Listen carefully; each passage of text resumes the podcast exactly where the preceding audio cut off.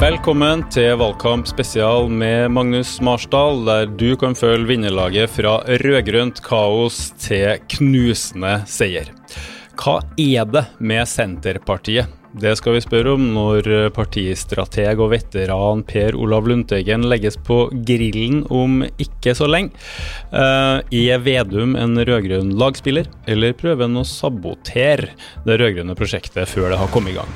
Men før den grillen så skal vi få eksperthjelp fra en statsviter som mener at sentrum-periferikonflikten som knyttes til det veldig norske Senterpartiet, er en internasjonal megatrend som knyttes til fenomen som Trump, rystelser som brexit, eh, høyrepopulismen i Frankrike osv. Dette er ikke et høyrefenomen, det er et sentrum-periferi-fenomen. Um, velkommen til Valgkamp spesial, Bente Aasjord. Tusen takk. Du er veldig fornøyd med å ha deg her, det må jeg bare si. Fordi det skulle tatt seg ut om vi satt bare Oslo-innbyggere og skulle analysere det som er det fremste periferipartiet i Norge. Det der overlater vi til Dagens Næringsliv. Eh, for dem som ikke kjenner Bente Aasjord så godt, hun har fast spalte i Klassekampen, er som sagt statsviter, skrevet i Nordlys, Fiskeriblad, alt mulig sånt. Eh, du publiserer artikler, har jeg lest, om det jeg kaller ulikhetens eh, geografiske dimensjon. Eh, gitt ut en bok som heter Nord og ned, om hva som skjer i Nord-Norge. Og så vet jeg at du har lang erfaring fra miljøbevegelsen. Nå også jobber fagbevegelsen. Har sånn kontorjobb i Oslo, men sitter oppe i Steigen. Og det føler jeg er det mest fascinerende her, at du faktisk da kommer fra periferien. Nord-Norge, kystkommune. Tre stikkord om Steigen, kanskje? Steigen er en kommune der folk har bodd i 10 000 år. Det er veldig vakkert, og det er fint å bo der. Ja, 10 000 år, det er egentlig norgesrekord det. Det er ikke så mange områder som har så lang bosetning. Nei. Nei.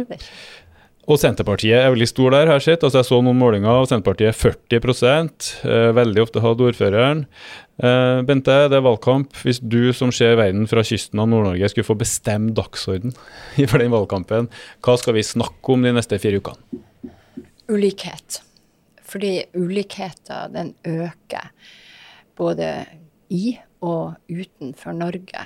Og det er en gift. Eh, og dette er veldig viktig å ta tak i. Eh, og dette skjer både i byene og mellom by og land. Eh, og dette er viktig. Det, det Senterpartiet snakker om hele tida, det er jo sentralisering. Ja. Men jeg skjønner egentlig det er sånn at du tenker at sentralisering like så godt kan kalles økende ulikhet. Eh, økende økonomiske avstander. Og så peker du på et internasjonalt mønster som Senterpartiets vekst også eh, har noe å gjøre med. Hva slags mønster er det?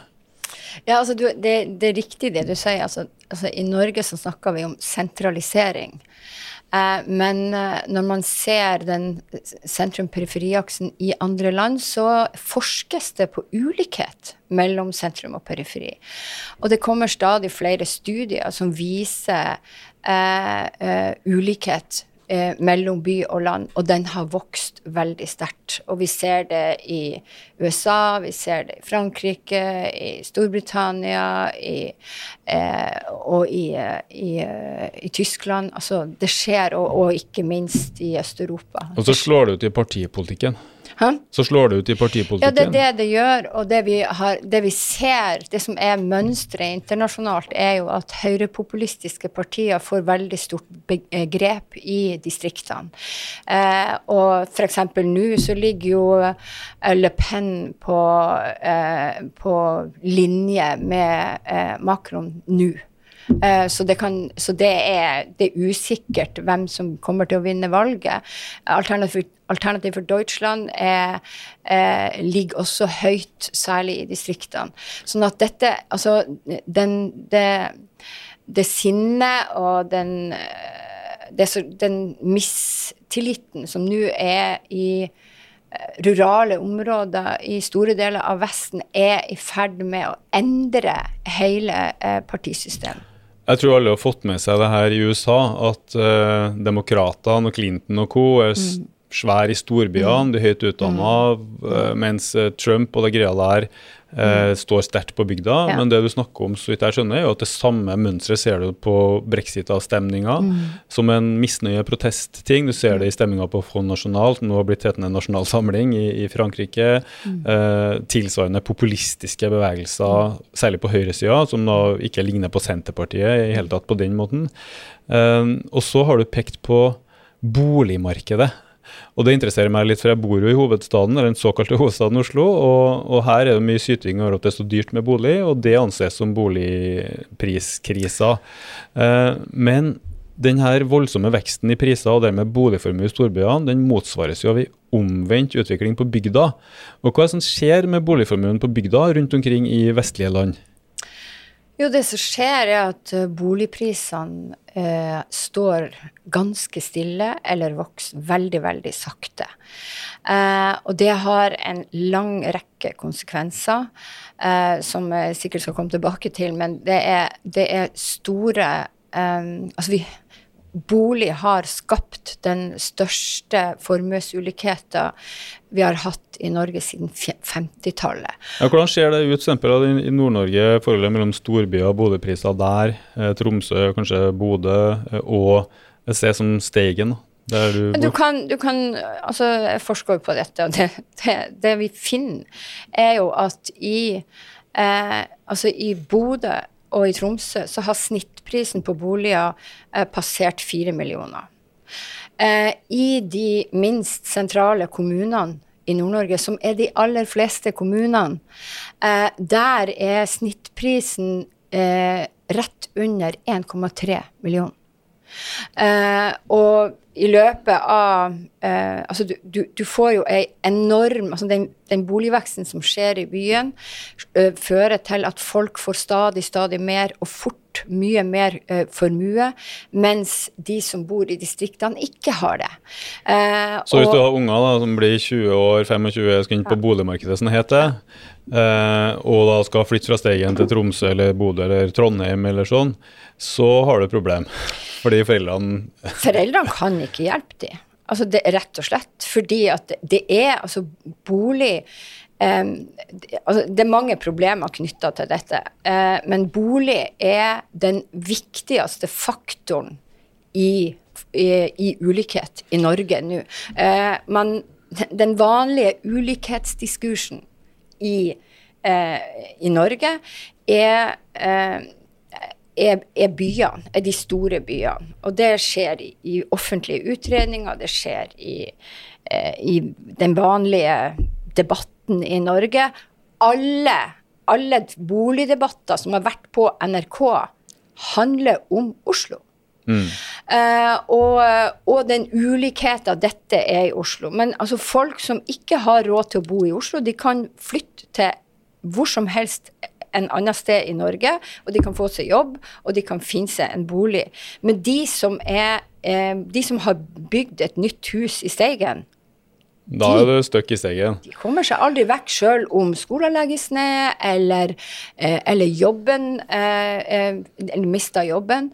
Og dette er en gift Altså, den, den, denne ulikheten er en gift mellom Og Da ser jeg for meg, hvis du ser Europa da, foran oss uh, med sine storbyer og mm. landsbygder og mm. sånn, at uh, boligpriseksplosjonen uh, mange sentrale strøk, som også følger av markedsliberalistisk deregulering, at det blir mm. mer og mer en vare, et mm. investeringsobjekt, mindre og mm. mindre politikkområde, en, en velferdsgode og sånn, uh, gradvis bygger opp en enorm formue med sånn inngangsbarriere. altså Som en middelaldersk sånn vollgrav eller borg da, rundt storbyene, der folk sitter og har formuesvekst, mens utenfor mm. har du ikke. Mm. Uh, og det vil si at den dereguleringa, den markedsliberalistiske, kapitalistiske ulikhetseksplosjonen, mm. får generasjonslange konsekvenser mm. for dem som rammes. Mm.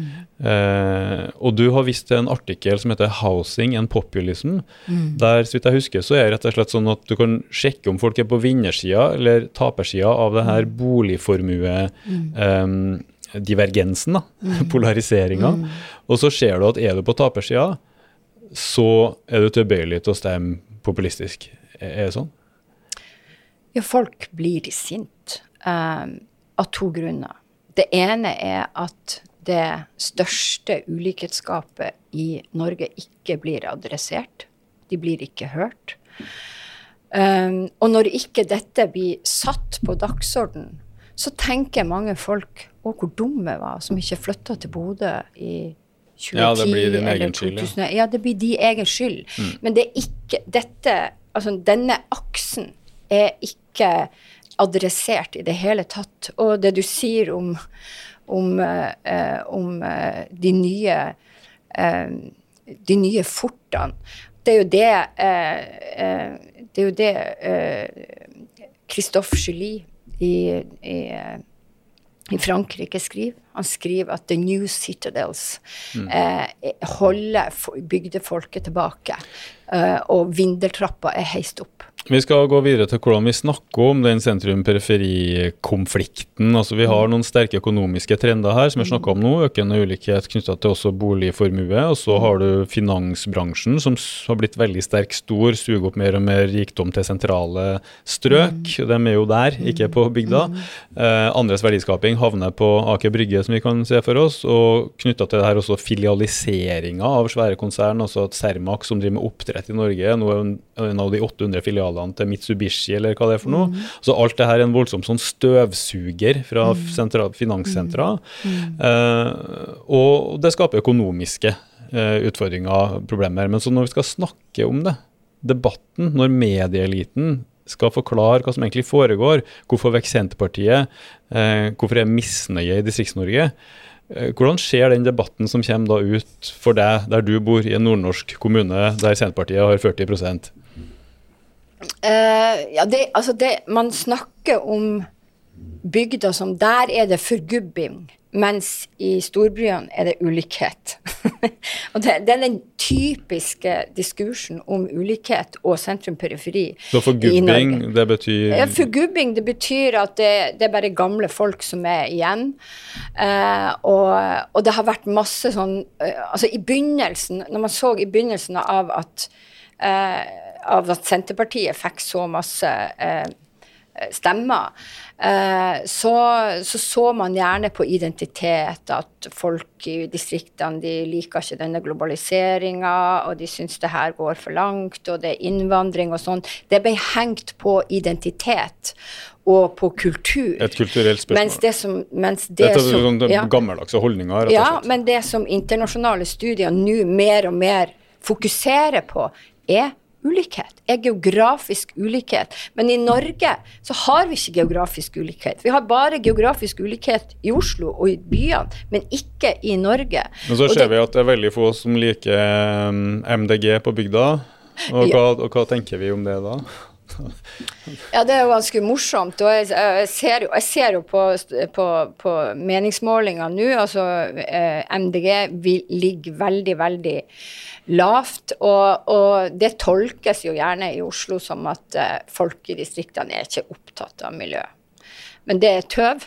Uh, men, det er, men veldig mye av miljøpolitikken og miljøtemaene og forslagene er, er liksom uh, smidd for byer. F.eks.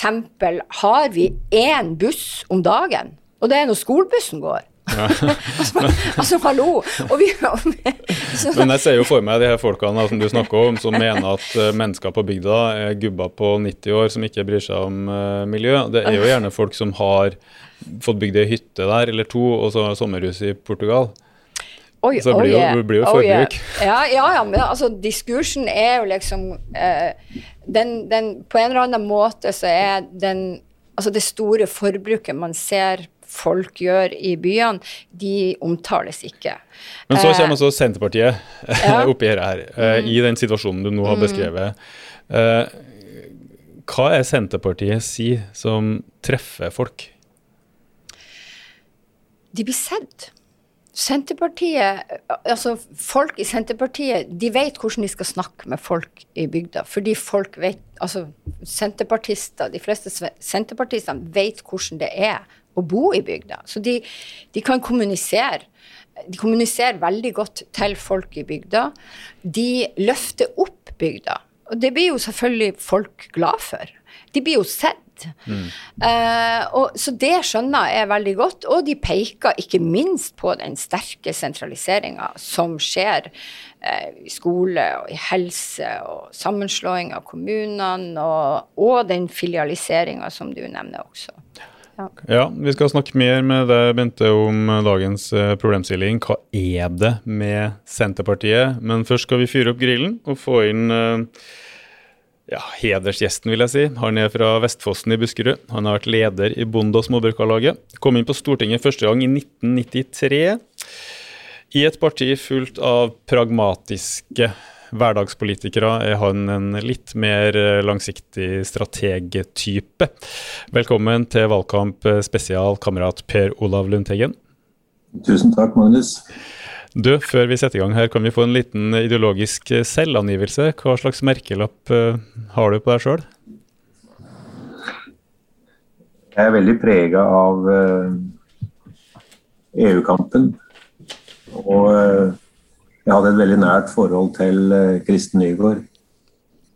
Og han var en fantastisk politisk strateg og et grunnleggende godt menneske og en som hadde veldig respekt for at en skulle ha en god faglig sammenheng i, i, alt en mente politisk.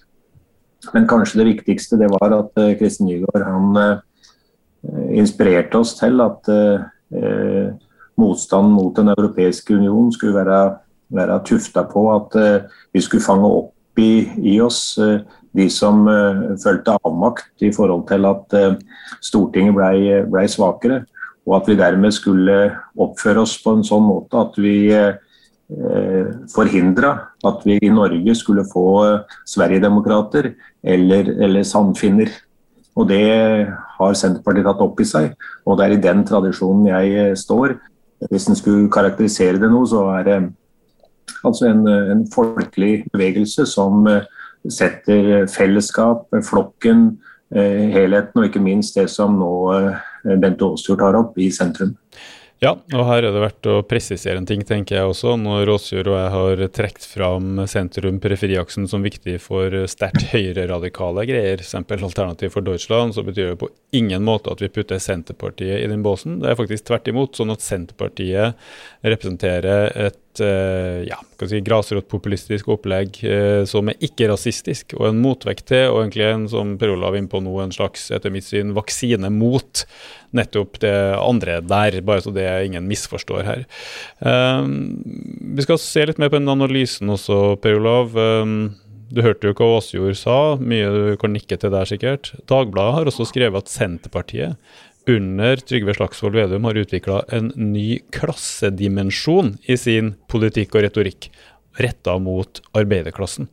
Ehm, hva tenker du om det? Hvilke målgrupper er det dere er opptatt av? Vi, vi er jo opptatt av at uh, Stortinget skal få uh, større, ta seg større makt.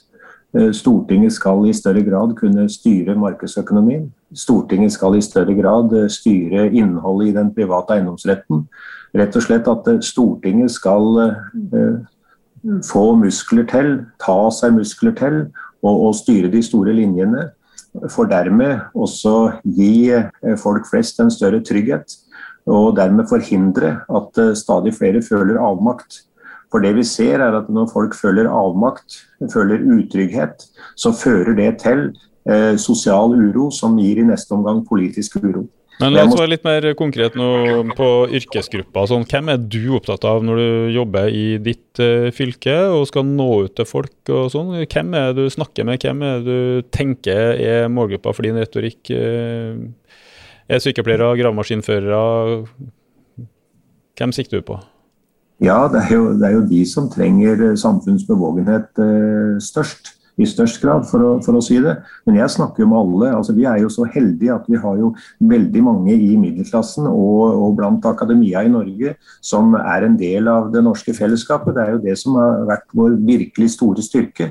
Sånn at eh, jeg føler stor inspirasjon i å, å snakke med, med, med, med, folk som eh, ja, som eh, som Bente Aasjord, som kan, som kan her fra sitt ståsted fortelle hva som skjer. Men når du spør om hvem er jeg spesielt tenker på, det er jo, det er jo da, det er folk som i stor grad er i praktiske yrker. For det er de som føler i dag at en blir i, i altfor stor grad glemt. Og, og, Derfor så har det vært helt naturlig for meg å engasjere meg veldig sterkt i arbeidslivspolitikken. Eh, veldig viktig å, å, å, styrke arbeidsmiljøloven, faste ansettelser, få vekk eh, bemanningsbransjen, eh, gjestearbeiderne, sånn at vi i større grad eh, har eh, trygge og sikre arbeidsforhold. Og Det er jo fiske, fiskerifagarbeidere, det er, det er helsefagarbeidere, det er jordbær, det er hele den gruppen av murere, malere, snekkere som vi trenger for å holde Norge i gang. Altså Det er veldig stort tankekors at i Rogaland så utdanner de ikke slaktere. I Lier så blir det ikke utdanna gartnere. Altså rett og slett, Vi må holde oss sjøl med de fagfolka som, som, er, og lage et samfunn for det. og Dermed så må vi bedre da de lønns- og arbeidsvilkår som gjelder for de bransjene. og Det slår veldig godt an. Det er Senterpartiet nesten alene om å ta opp. Men for oss, som Bente sier, er det helt naturlig, for vi kjenner de menneskene. Det er naboene våre.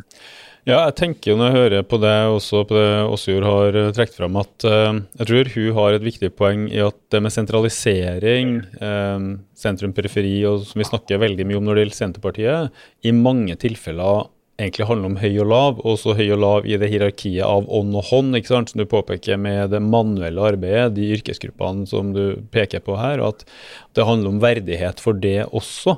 Eh, det er sånn den klassedimensjonen Dagbladet var inne på. Hva, hva, tenker du om det? Det der bredere verdighetsprosjektet? Jo, det, det er for, for, oss helt naturlig. Jeg eh, var på, på Loppa øy for eh, ett og et halvt eh, år siden. og Da fikk jeg beskjed fra, fra sognepresten der ute, som hadde tidligere sittet i kommunestyret for Arbeiderpartiet. og Han sa det, Lundteigen, du må stille opp for folk som bor ytterst. Og Det er noe som en Trygve har tatt inn over seg. Stille opp for folk som bor ytterst. Det gjelder både geografisk og sosialt.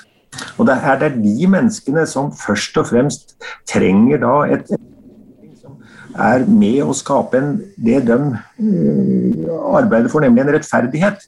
Og Da blir vi veldig radikale i forhold til utviklinga i dag. For I dag så er jo forskjellene øker, og sentraliseringa skaper jo uh, utrygghet og uh, vanskelige forhold. Så altså, det egentlig driver med nå, det er jo det gamle prosjektet vårt fra 70-tallet, eh, Bente, hvor det var desentralisering av arbeid, makt og kapital.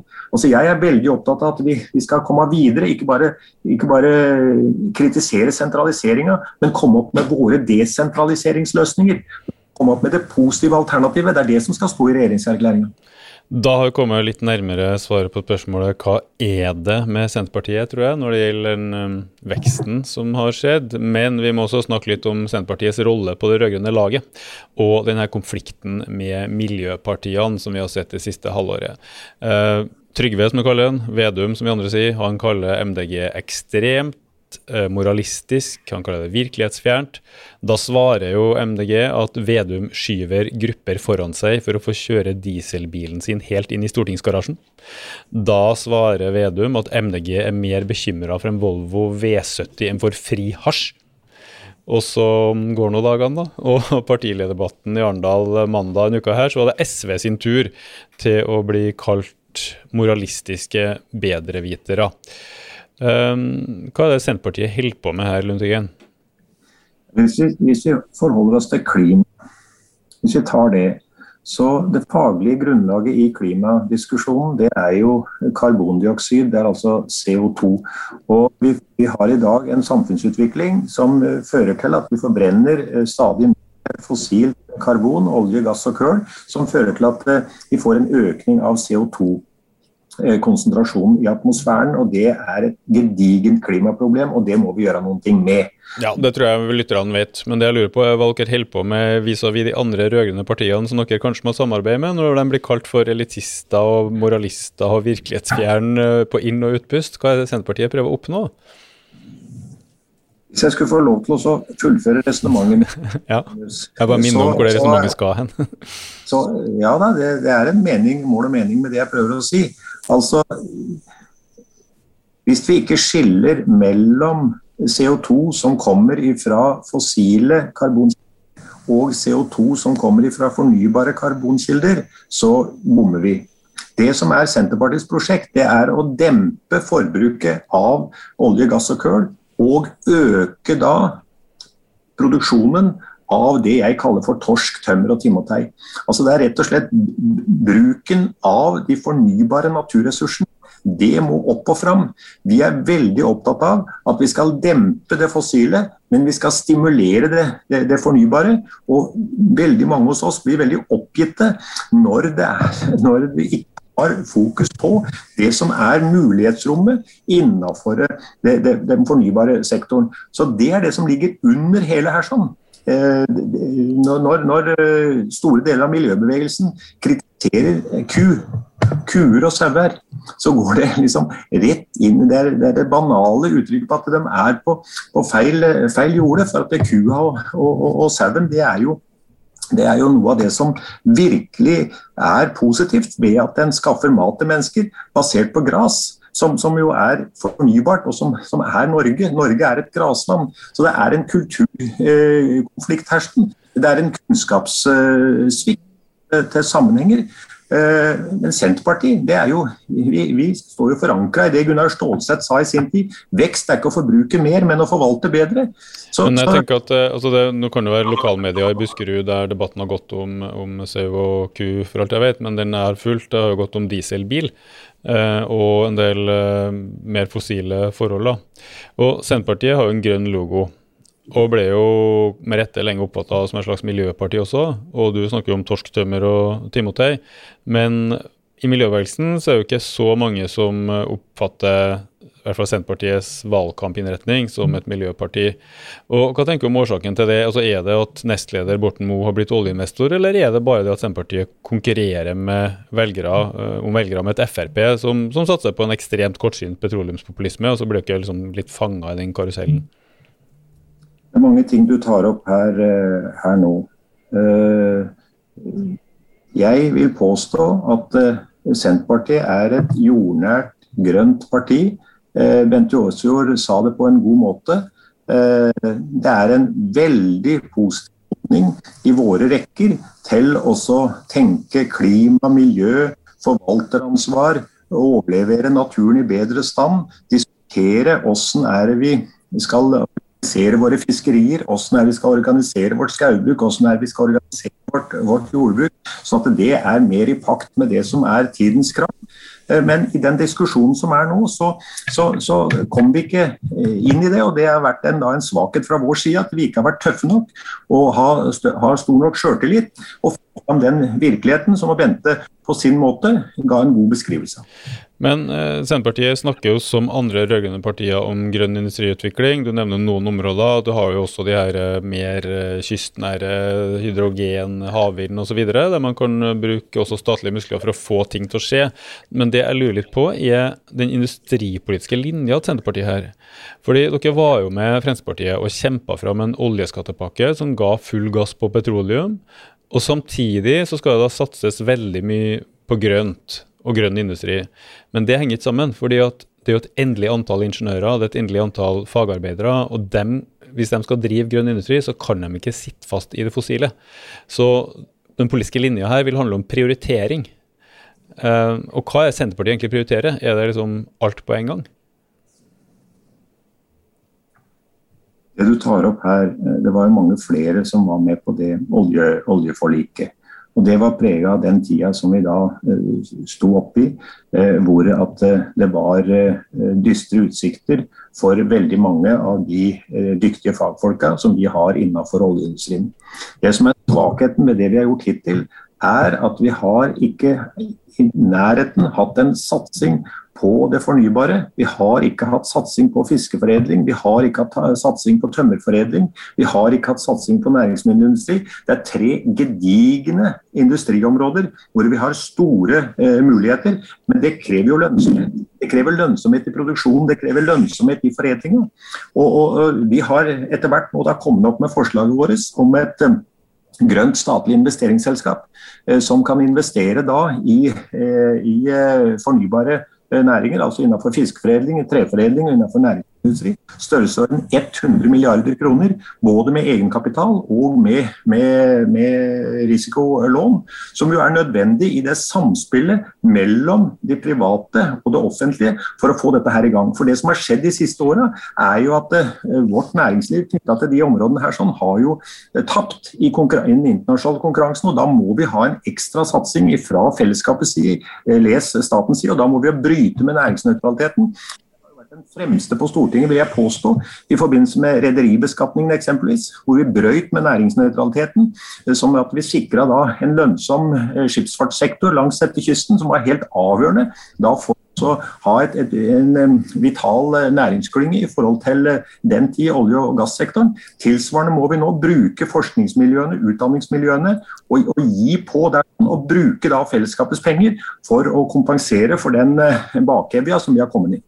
Ja, Du sier at uh, vi har vært for dårlige sier du, på å få fram det grønne, og det er kanskje derfor mange sitter med følelsen at det har blitt mest um, oljeskattefordel og mm, ja til diesel der det trengs. Uh, og du sa også at oljeskatteforliket, som er ekstremt omstridt fordi det låser fast norske ressurser og ingeniører til en næring som går ut på dato, at det var tilpassa den tidas situasjon. Betyr det at uh, vi må kunne revurdere det forliket under et nytt rød-grønt flertall, og kanskje uh, få en tydeligere prioritering av grønn industri? Eller skal vi stå fast på det fossile forliket? Det er jo helt opplagt at du er nødt til å prioritere den, den fornybare industrien på alle måter. Altså, enten det er foredling av vannkrafta vår, eller det er foredling av de enorme fiskeressursene vi har. Altså, I fiskeressursene så, så kan du da du, du foredle det til en, en, rekke produkter. Det er jo fantastiske muligheter tilsvarende på, på tømmeret. Eh, og, og da, da, kreves det altså en, en innsats som nå må være formidabel, for du skal ikke reise mye for landets grenser. Du kan reise til Finland eller reise til Karlstad i Sverige og se da hvordan de har kjørt ifra oss. Og det kan ikke fortsette. Altså, Men står, står oljeskatteforliket fast i hele neste periode? Oljeskatteforliket regner jeg med. Eh, det er tidsbegrensa, det er det første. Det er jo, det jo tidsbegrensa til eh, et visst antall år. Og eh, det er helt opplagt at den erkjennelsen som vi snakker om her nå, nemlig å prioritere da de, de, fornybare naturressursene, det kommer jo sterkere og sterkere. og Her må Senterpartiet være en ledende kraft, for vi har veldig gode forutsetninger for å diskutere det. For vi har veldig mye fagfolk, veldig mange, mange bedriftsledere som er engasjert i denne sektoren. Har du tro på den rød-grønne lagoppstillinga, at det blir et handlekraftig stortingsflertall hvis man får et nytt stortingsflertall? Jeg er usikker på det. for Det som preger Stortinget i dag, det er at det er for lite handlekraft. Det er for lite hva jeg vil kalle overhøyde og evne til å kraftsamle på de viktigste tingene som en skal gjøre noe med. Jeg er veldig eh, oppgitt over at det er for lite fokus på å, å, å, å satse på produksjonslivet, satse på eh, lange verdikjeder knyttet til våre naturressurser. Det er altfor stort fokus på konsum og forbruk. På hva, eh, hva er slags politikk som fører til billigere varer og tjenester for meg, istedenfor at først så skal vi tjene, først så skal vi produsere, og så skal vi forbruke, og så skal vi fordele. I dagens eh, politiske situasjon i Norge, hvem har du mest til felles med, tenker du? Bjørnar Moxnes eller Erna Solberg? Vi er, eh, vi er skikkelig vaksinert mot Høyre. Så, så, den vaksinen sitter i for meg i veldig mange år. Så jeg har veldig få områder hvor jeg sier at jeg har noe, noe fellesskap med, med, Erna Solberg. Hun er til og med nå så radikal at hun skal ha vekk konsesjonslover, hun skal ha vekk odelsloven i jordbruk. Altså, så det, det er tilnærma lik null, sånn som det nye Høyre er. Hva syns du om Moxnes, da? Moxnes har mange gode ting. Mange gode ting. Jeg eh, har eh, brukt store deler av livet mitt i kampen mot eh, arbeidernes kommunistparti, marxist-leninistene, som, som Moxnes er spent ut ifra. Men det er ingen fare for revolusjon i Norge i dag, for å si det, å si det på den måten. Moxnes, syns jeg, gjør en, en, god jobb ut ifra sine forutsetninger. Og det er veldig mange stand rundt i Norge at aktivistene i, i Rødt spiller veldig godt sammen med, med Senterpartifolk for også å få, få, gjort en god jobb. Det, det, respekterer jeg fullt ut og er veldig glad for det og takknemlig for det. Men for Senterpartiet så er det ikke aktuelt å, å, å være i regjering med Rødt, og det vil jo heller ikke Rødt. Så, så det saken er avklart. Men når du som Senterparti-veteran plasserer er noe nærmere Bjørnar Moxnes enn Erna Solberg. Skjønner at de spretter champagnekorka på Høyres hus da? Jeg vil ikke, jeg vil ikke gå inn i, i den tabloide overskriften som du nå inviterer til. Jeg satt i, i finanskomiteen sammen med, med Erling Forkvår fra 93 til 97. Og Da var det noen i Senterpartiet som var veldig bekymra for at det var flere fellesmerknader mellom, eh, mellom Erling Folkvår og Senterpartiet enn mellom Høyre og, og, Senterpartiet. og Da sa jeg til Johan J. Jacobsen du må ta det helt ro. Det er Erling, eh, Erling Folkvår han støtter oss, og da er vi glad for det. Tusen takk eh, Per Olaf Lundteigen for at du tok deg tid midt i den eh, hektiske og ikke minst elitistiske Arendalsuka til å være med på valgkamp spesial, og lykke til med resten av valgkampen. Tusen takk. Ja, Bent Aasjord. Um, hva tenker du om noe av det siste han sa her? Altså, han er bekymra for endringskrafta i Stortinget. Uh, og Da snakker en jo om mange partier.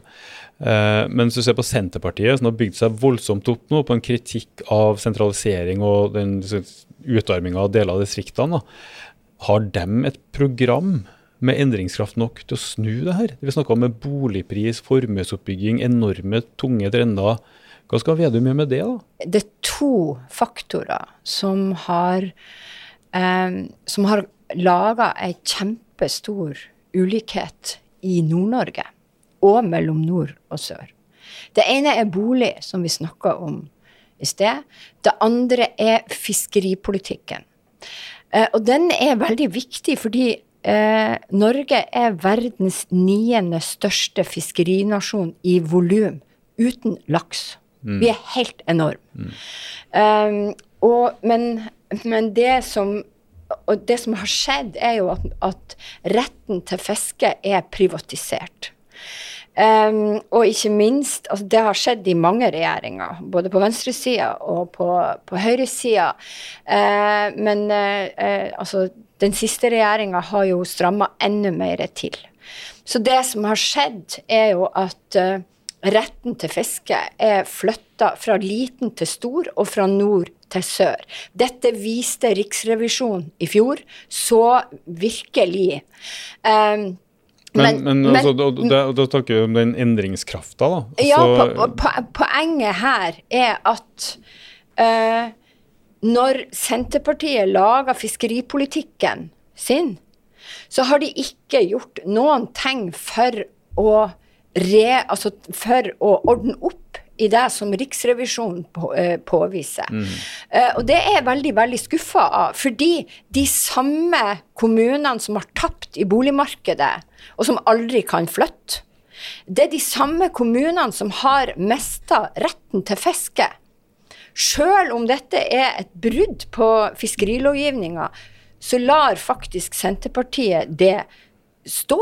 Men de er ikke alene om det. altså. Nå kommer Men, det til å skje en del ting. Det blir noe lensmannskontor, håper jeg. Det er jo en del tvangssammenslåing som kan øh, oppløses hvis man vil lokalt, og en del andre ting. Men se for deg et scenario fram mot 2025 hvis øh, Senterpartiet ikke leverer i den grad som retorikken mot såkalt sentralisering har tilsagt. Velgere i distriktene ser at det aller meste fortsetter i samme retning som nå. Eh, hva slags scenario ser du for deg ut ifra den populismeforskinga som du driver med å lese osv.? Ja, altså, poenget mitt er at det er ikke bare sentralisering. Det skjer en enorm eh, omfordeling av verdier og penger mellom by og land, der distriktene taper. Mm. Men, altså, i, men, i, partipolitikken det er store klasseforskjeller nå, mellom, større, mye større klasseforskjeller nå mellom by og land mm. enn det har vært på mange, mange tiår. Og hvis ikke en ny regjering, altså ikke bare Senterpartiet, men også Arbeiderpartiet og SV, hvis ikke de klarer å, uh, å erkjenne den formuesulikheten og den store ulikheten som er, som er etablert mellom by og land, også i Norge, da tror jeg at uh, folk kan uh, bli veldig uh, uh, fortvila og sint. Uh, og da er jeg redd for at Sylvi Lysthaug kan, kan stige hardt i, i, i oppslutning Så Frp som opposisjonskraft, ja, ja, og, og, Senterpartiet som regjeringsansvarlig? Ja, det, og jeg er redd for det, fordi at, og jeg sier ikke det for, sånn med utgangspunkt i Steigen eller i distriktene.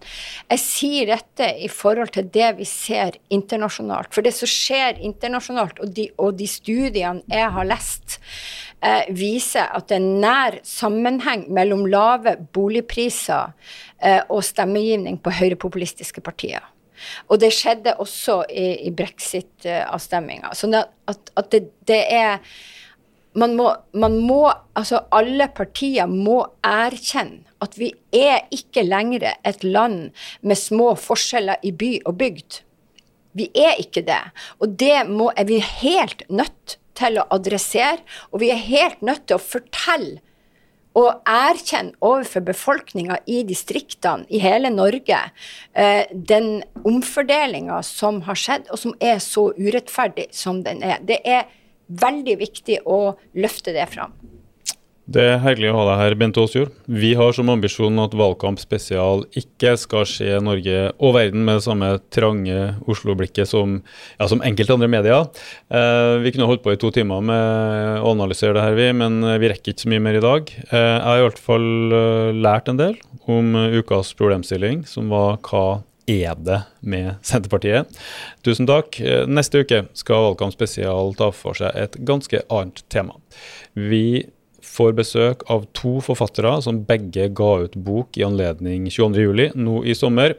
Um, hva lærte vi egentlig av sommerens 22.07-diskusjoner? Hva kan et nytt rød-grønt flertall gjøre uh, i det alle etterlyser nå, nemlig kampen mot tankegodset bak terroren? Um, og Vi skal diskutere en hypotese som jeg lanserer i et essay som handler om, om Alias Batis bok, eh, 'Etter rosetogene', der jeg foreslår at én viktig årsak til at det ikke har blitt så mye av det ideologiske oppgjøret der, er noe jeg kaller for de hvites likegyldighet overfor rasismen generelt eh, og islamofobien spesielt. Eh, du kan eh, få tak i teksten 'De hvites likegyldighet' på morgenbladet.no. Les deg opp og vær forberedt til neste ukes valgkampspesial med Magnus Marsdal. Men nå må du ut og drive valgkamp. Vi er tilbake neste uke.